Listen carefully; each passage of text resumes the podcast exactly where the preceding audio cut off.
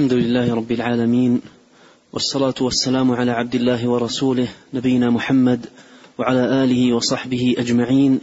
أما بعد فيقول شيخ الإسلام أحمد بن تيمية رحمه الله تعالى في الفتوى الحموية الكبرى وقال الإمام العارف معمر بن أحمد الأصبهاني شيخ الصوفية في حدود المئة الرابعة في بلاده قال أحببت أن أوصي أصحابي بوصية من السنة وموعظة من الحكمة وأجمع ما كان عليه أهل الحديث والأثر وأهل المعرفة والتصوف من المتقدمين والمتأخرين.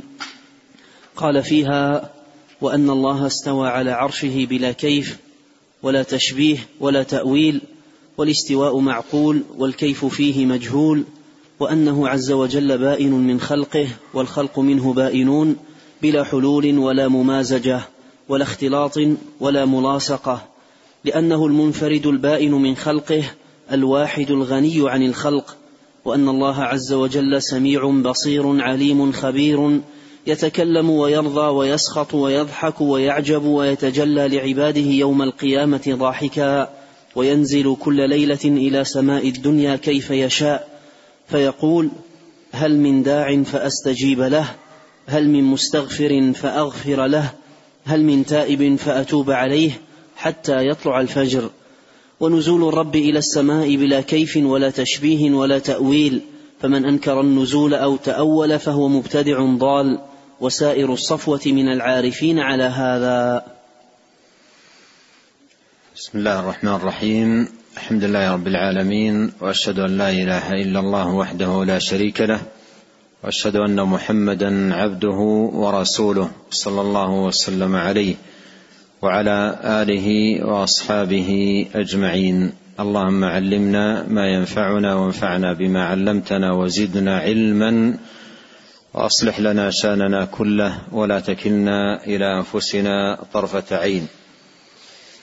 قال شيخ الإسلام ابن تيمية رحمه الله تعالى وقال الإمام العارف مع مع وقال الإمام العارف معمر بن أحمد الأصبهاني شيخ الصوفية في حدود المئة الرابعة في بلاده وذكر كلامه رحمه الله تعالى. وهذا النقل الذي أورده رحمه الله أيضا أورده في كتاب الاستقامة وأورده أيضا في كتاب درء التعارض وأيضا أورده ابن القيم في اجتماع الجيوش والذهبي في كتابه العلو. وكان هذا من أعيان القرن الرابع الهجري. وكان التصوف إذ ذاك يغلب على أهله الزهد والعبادة والذكر مع سلامة في المعتقد من حيث التوحيد العلمي والمعرفة بالله سبحانه وتعالى في الجملة. ووقعوا في شيء من الخلل أو الأخطاء في ناحية التعبد والأذكار وصفة الأذكار وما يتعلق بذلك من أمور.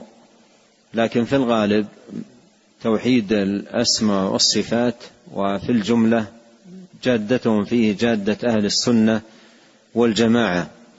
ومن يطالع كتب هؤلاء ومصنفاتهم في مثل ذلك الوقت الأول والزمان الأول يجد أن الغالب عليها في هذا الباب باب الأسماء والصفات السلامة.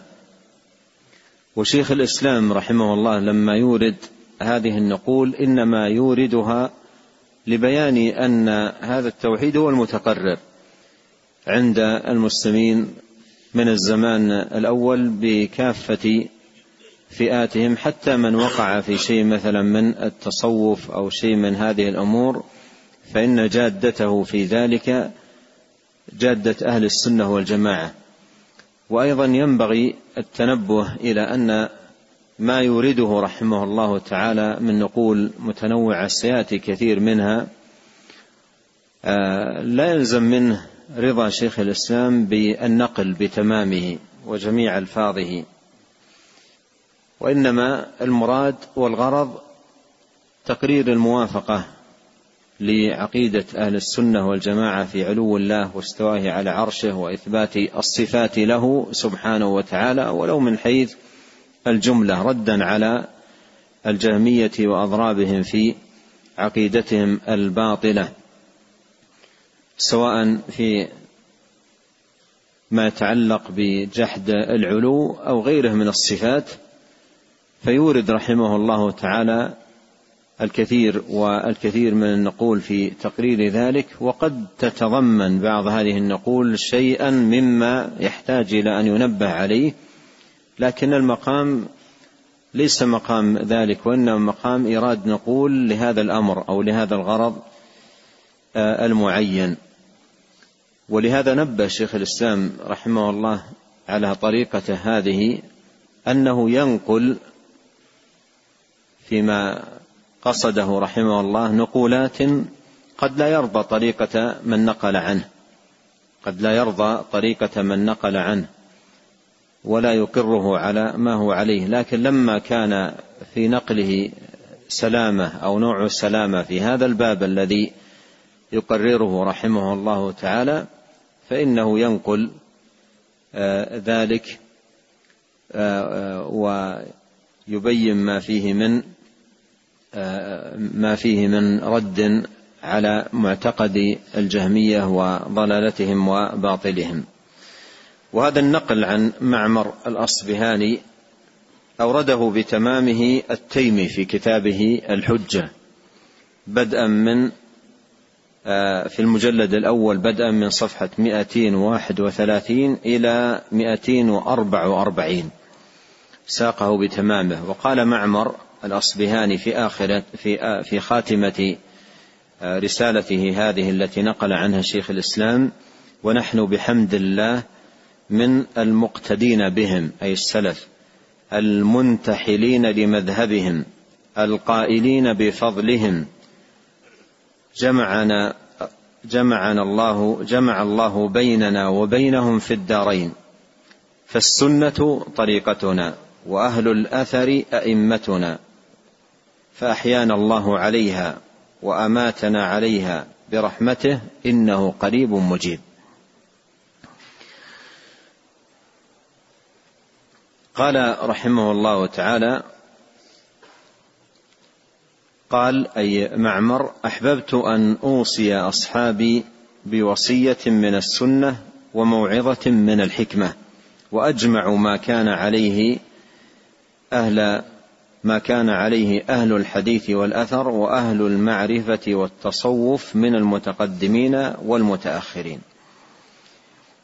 هذا تبيان لما قصده رحمه الله تعالى في هذه الرسالة ولما يخصها في باب الأسماء والصفات وإنما تناول فيها ما يتعلق بالأسماء والصفات وأيضا بقية أمور المعتقد كما يعلم بمطالعة الرسالة بتمامها في المصدر الذي أحلت إليه. وأشرت إلى أن أهل التصوف في الزمن الأول في المعتقد وفي باب الأسماء والصفات في الجملة على عقيدة أهل السنة والجماعة. ومن يطالع هذا النقل وكذلك الكتب الأخرى ولا سيما كتاب التعرف لمذهب أهل التصوف وما أورده فيه من نقولات في في باب الأسماء والصفات. يجد أن هؤلاء المتقدمين في الجملة كانوا على آه، عقيدة أهل السنة والجماعة في أسماء الله تبارك وتعالى وصفاته. قال فيها هذا إشارة إلى أنه اختصر من هذه الرسالة رحمه الله وأن الله استوى على عرشه بلا كيف ولا تشبيه ولا تأويل والاستواء معقول والكيف فيه مجهول. هذا تقرير للعقيدة في أسماء الله وصفاته وفيها إثبات استواء الله تبارك وتعالى على عرشه المجيد بلا كيف. أي أنه مستو استواء حقيقي بلا كيف نعلمه. فالمراد بنفي الكيف نفي التكييف.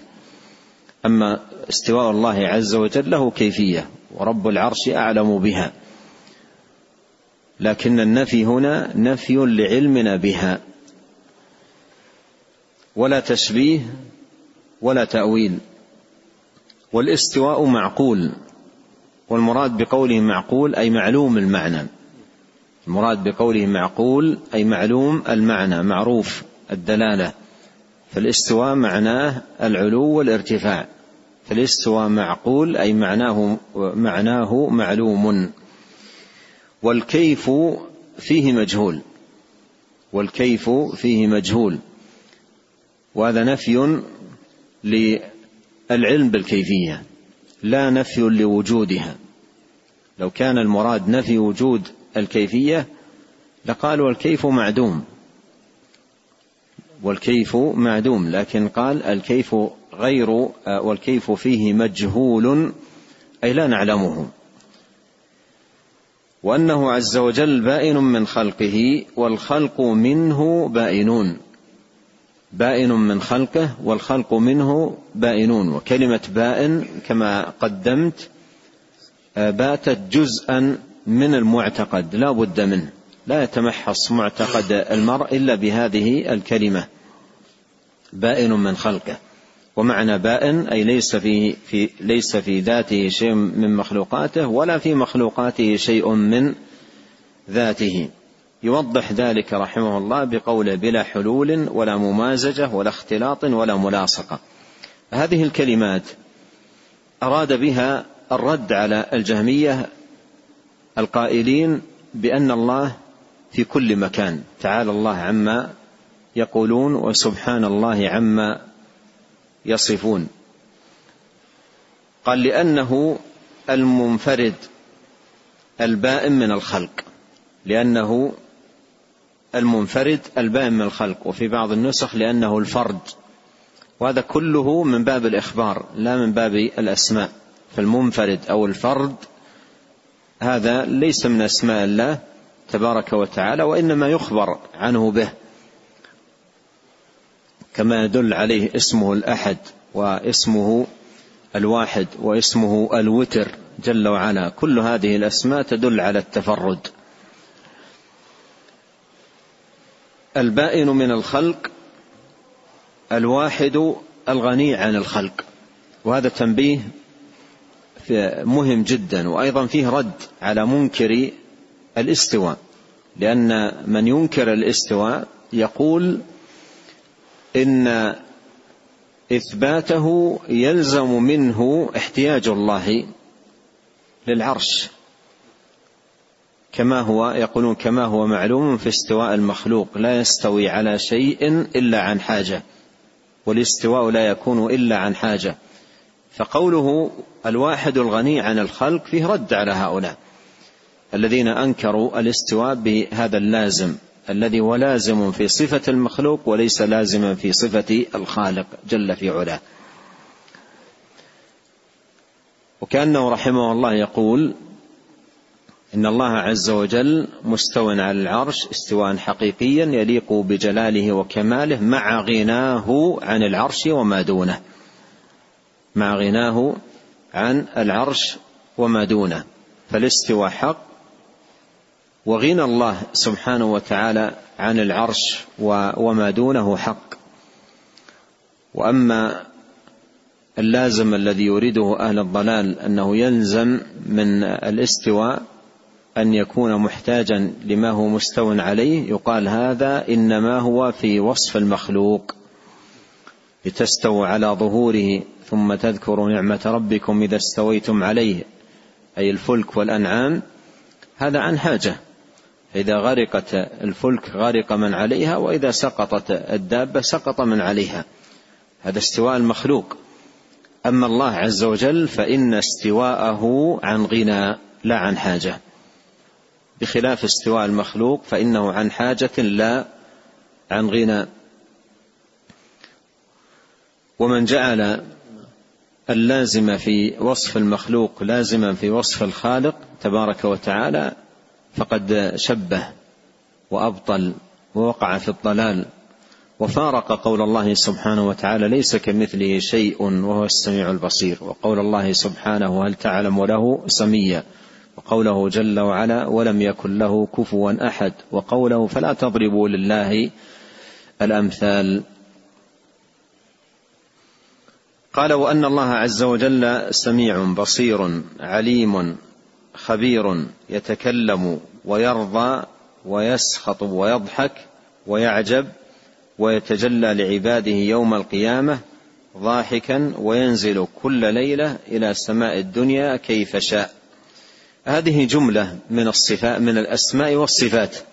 ساقها رحمه الله تعالى مثبتا لها على جادة أهل السنة والجماعة وطريقتهم. ففيها إثبات السمع والبصر والعلم والخبرة والكلام والرضا والسخط والضحك والعجب والتجلي وغير ذلك من صفات الله سبحانه وتعالى. وختم ذلك بإثبات النزول وأشار إلى الحديث الثابت أن الله عز وجل ينزل إلى سماء الدنيا في ثلث الليل الآخر فيقول هل من داع فأستجيب له هل من مستغفر فأغفر له هل من تائب فأتوب عليه حتى يطلع الفجر. قال رحمه الله ونزول الرب إلى السماء بلا كيف ولا تشبيه ولا تأويل. أي نثبت النزول حقيقة. فإذا قيل كيف ينزل قيل النزول كيفية النزول مجهولة. أما النزول ثابت. النزول ثابت وحق. ينزل تبارك وتعالى كيف شاء. نزولا نجهل حقيقته نجهل كيفيته. ويعلمها هو سبحانه وتعالى. أخبرنا أنه ينزل ولم يخبرنا كيف ينزل. بلا كيف ولا تشبيه. ولا تشبيه أي لا يشبه نزول الله بنزول مخلوق. لا يقال نزول كنزولنا. من قال ذلك فقد شبه. والتشبيه كفر بالله. تشبيه كفر بالله سبحانه وتعالى. والمشبه يعبد صنما. لا يجوز أن يشبه شيء من صفات الله بشيء من صفات المخلوقين. والله يقول ليس كمثله شيء. ولا تأويل أي لا يصرف شيء من النصوص نصوص الصفات عن معناها الحق إلى معاني أخرى. هذا تحريف للكلم عن مواضعه وهو من طريقة اليهود الذين يحرفون الكلمة عن مواضعه. قال فمن أنكر النزول أي جحده ولم يثبته أو تأول والمتأول منكر لأن كل محرف معطل. كل محرف معطل. أو تأول فهو مبتدع ضال. وسائر الصفوة من العارفين على هذا. سائر الصفوة من العارفين على هذا أي على هذا المعتقد. وهذا فيه إشارة إلى أن يعني من كانوا على التصوف في الزمن الأول في الجملة عقيدتهم في باب الأسماء والصفات على وفق عقيدة أهل السنة والجماعة. واشتغالهم آه، في في في الزهد والتعبد وأعمال القلوب والأحوال ونحو ذلك مع وقوع في أشياء من الخطأ والمخالفة في بعض ذلك أو في كثير منه عند بعضهم. لكن لكن باب الأسماء والصفات في الجملة مضوا فيه على آه، جادة أهل السنة. نعم. قال رحمه الله تعالى وقال الشيخ الإمام أبو بكر أحمد بن محمد بن هارون الخلال في كتاب السنة حدثنا أبو بكر الاثرم قال حدثنا إبراهيم بن الحارث يعني العبادي قال حدثنا الليث بن يحيى قال سمعت إبراهيم بن الأشعث. قال أبو بكر وهو صاحب الفضيل. قال سمعت الفضيل بن عياض يقول ليس لنا أن نتوهم في الله كيف هو لأن الله تعالى وصف نفسه فأبلغ. فقال قل هو الله أحد الله الصمد لم يلد ولم يولد ولم يكن له كفوا أحد. فلا صفة أبلغ مما وصف به نفسه. وكل هذا النزول والضحك وهذه المباهاة وهذا الاطلاع كما يشاء أن ينزل وكما يشاء أن يباهي وكما يشاء أن يضحك وكما يشاء أن يطلع. فليس لنا أن نتوهم كيف وكيف. فإذا قال الجهمي أنا أكفر برب يزول عن مكانه فقل بل أؤمن برب يفعل ما يشاء. ونقل هذا عن الفضيل جماعة منهم البخاري في خلق أفعال العباد. ونقله شيخ الإسلام بإسناده في كتابه الفاروق فقال حدثني يحيى بن عمار قال حدثنا أبي قال حدثنا يوسف بن يعقوب قال حدثنا حرمي بن علي البخاري وهانئ بن النضر وهانئ بن النضر عن الفضيل. ثم أورد رحمه الله تعالى هذا النقل عن الفضيل بن عياض الإمام المعروف من أئمة التابعين رحمه الله تعالى وساقه إليه بإسناد أبي بكر الخلال في كتابه السنة. قال الفضيل بن عياض ليس لنا معاشر أهل السنة أهل الحق أهل الإيمان. ليس لنا نتوهم في الله كيف هو. ليس لنا نتوهم في الله كيف هو. أي لا يجوز أن يعمل المرء فكره القاصر وعقله الضعيف في معرفة كيفية الصفات. إذا قرأت مثلا ينزل ربنا. لا تعمل عقلك في البحث عن كيفية هذا النزول لأن هذا مجهول. مهما أعملت العقل ومهما أتعبته لن تصل إلى معرفة. لن تصل إلى معرفة.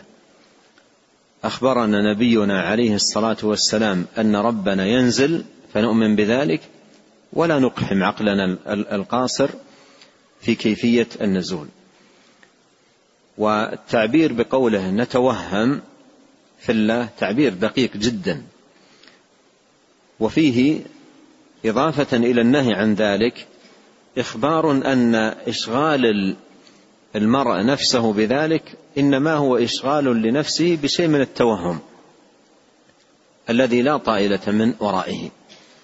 مثل ما قال نقل الذهبي رحمه الله تعالى عن الفيلسوف أبي حيان التوحيدي أنه قال يذم قوما آخرين من الفلاسفة قال أناس مضوا تحت التوهم يظنون أن الحق معهم ولكن الحق وراءهم.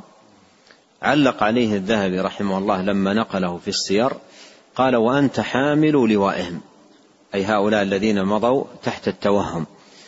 فالاشتغال بهذه الأمور هو اشتغال بأوهام وأرباب ذلك كلهم ماضون تحت التوهم. لا يصل إلى عقيدة حقة ولا إلى إيمان صحيح ولا إلى معرفة صحيحة بالله سبحانه وتعالى وإنما يمضي في أوهام. ليس من ورائها طائل ولهذا لا يجوز أن يتوهم في الله كيف هو.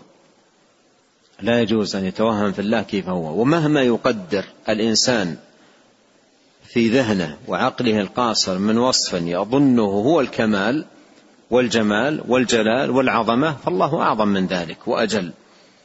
كما نقول في الكلمة التي أحب من أحب الكلام إلى الله الله أكبر أي من كل شيء حتى مما يخطر في بالك أو يدور في خيالك أو يتوهمه الإنسان أنه هو الوصف وهو وصف الله تبارك وتعالى فالله أعظم وأكبر وأجل مما يخطر في البال أو يدور في الخيال سبحانه وتعالى. قال ليس لنا نتوهم في الله كيف هو. لماذا؟ قال لأن الله تعالى وصف نفسه فأبلغ فقال قل هو الله أحد. الله الصمد لم يلد ولم يولد ولم يكن له كفوا أحد فلا صفة أبلغ مما وصف به نفسه. وينبه بذلك أن حدك في هذا الباب باب التعظيم والايمان بالله سبحانه وتعالى أن تقف عند النصوص ولا تتجاوز ولا تتجاوزها بأوهام أو تخرصات أو ظنون بل تقتصر على النص وتكتفي به. لا صفة أبلغ مما وصف الله به نفسه. ولن يكون أبلغ من ذلك. فما حاجة العقول القاصرة أن تدخل في في أو أن تقحم أن تقحم في هذا الباب. ولم يكن لإدخالها في هذا الباب إلا ضياع أهلها وضلالهم. فلا أبلغ من ما وصف الله سبحانه وتعالى به نفسه فيجب على المرء أن يتلقى كل ما وصف الله به نفسه في كتابه وكل ما وصف ما وصفه به رسوله عليه الصلاة والسلام الذي لا ينطق عن الهوى بالقبول والتسليم. ولا يزيد على ذلك. يؤمن بما جاء في الكتاب والسنة من صفات الله ولا يتجاوز القرآن والحديث. وكل هذا النزول والضحك وهذه المباهات وهذا الاطلاع المباهات أي مباهاة الله سبحانه وتعالى الملائكة بعباده. كما في آه، الحديث الوارد في يوم عرفة وإنه ليباهي بهم ملائكته. وإنه ليباهي بهم ملائكته. فهذه المباهات وكذلك الاطلاع مثل ما جاء في ما يتعلق بأهل بدر لعل الله اطلع على أهل بدر فقال اعملوا ما شئتم قد غفرت لكم هذا الاطلاع وهذه المباهات. كما يشاء أن ينزل وهذا عائد على قوله النزول وكما يشاء أن يباهي وكما يشاء أن يضحك وكما يشاء أن يطلع. فليس لنا أن نتوهم كيف وكيف. كل هذه الأشياء نثبتها. المباهاة الاطلاع الضحك النزول إلى غير ذلك من صفات الله سبحانه وتعالى نثبتها ولا نتوهم كيف هو. لا لا نتوهم في عقولنا كيف يضحك أو كيف ينزل أو كيف يباهي أو كيف يطلع أو كيف يجيء أو كيف يعجب أو كيف يرضى أو كيف يسخط. ليس لنا أن نقحم عقولنا القاصرة في كيف هو كما قال رحمه الله فليس لنا أن نتوهم كيف وكيف.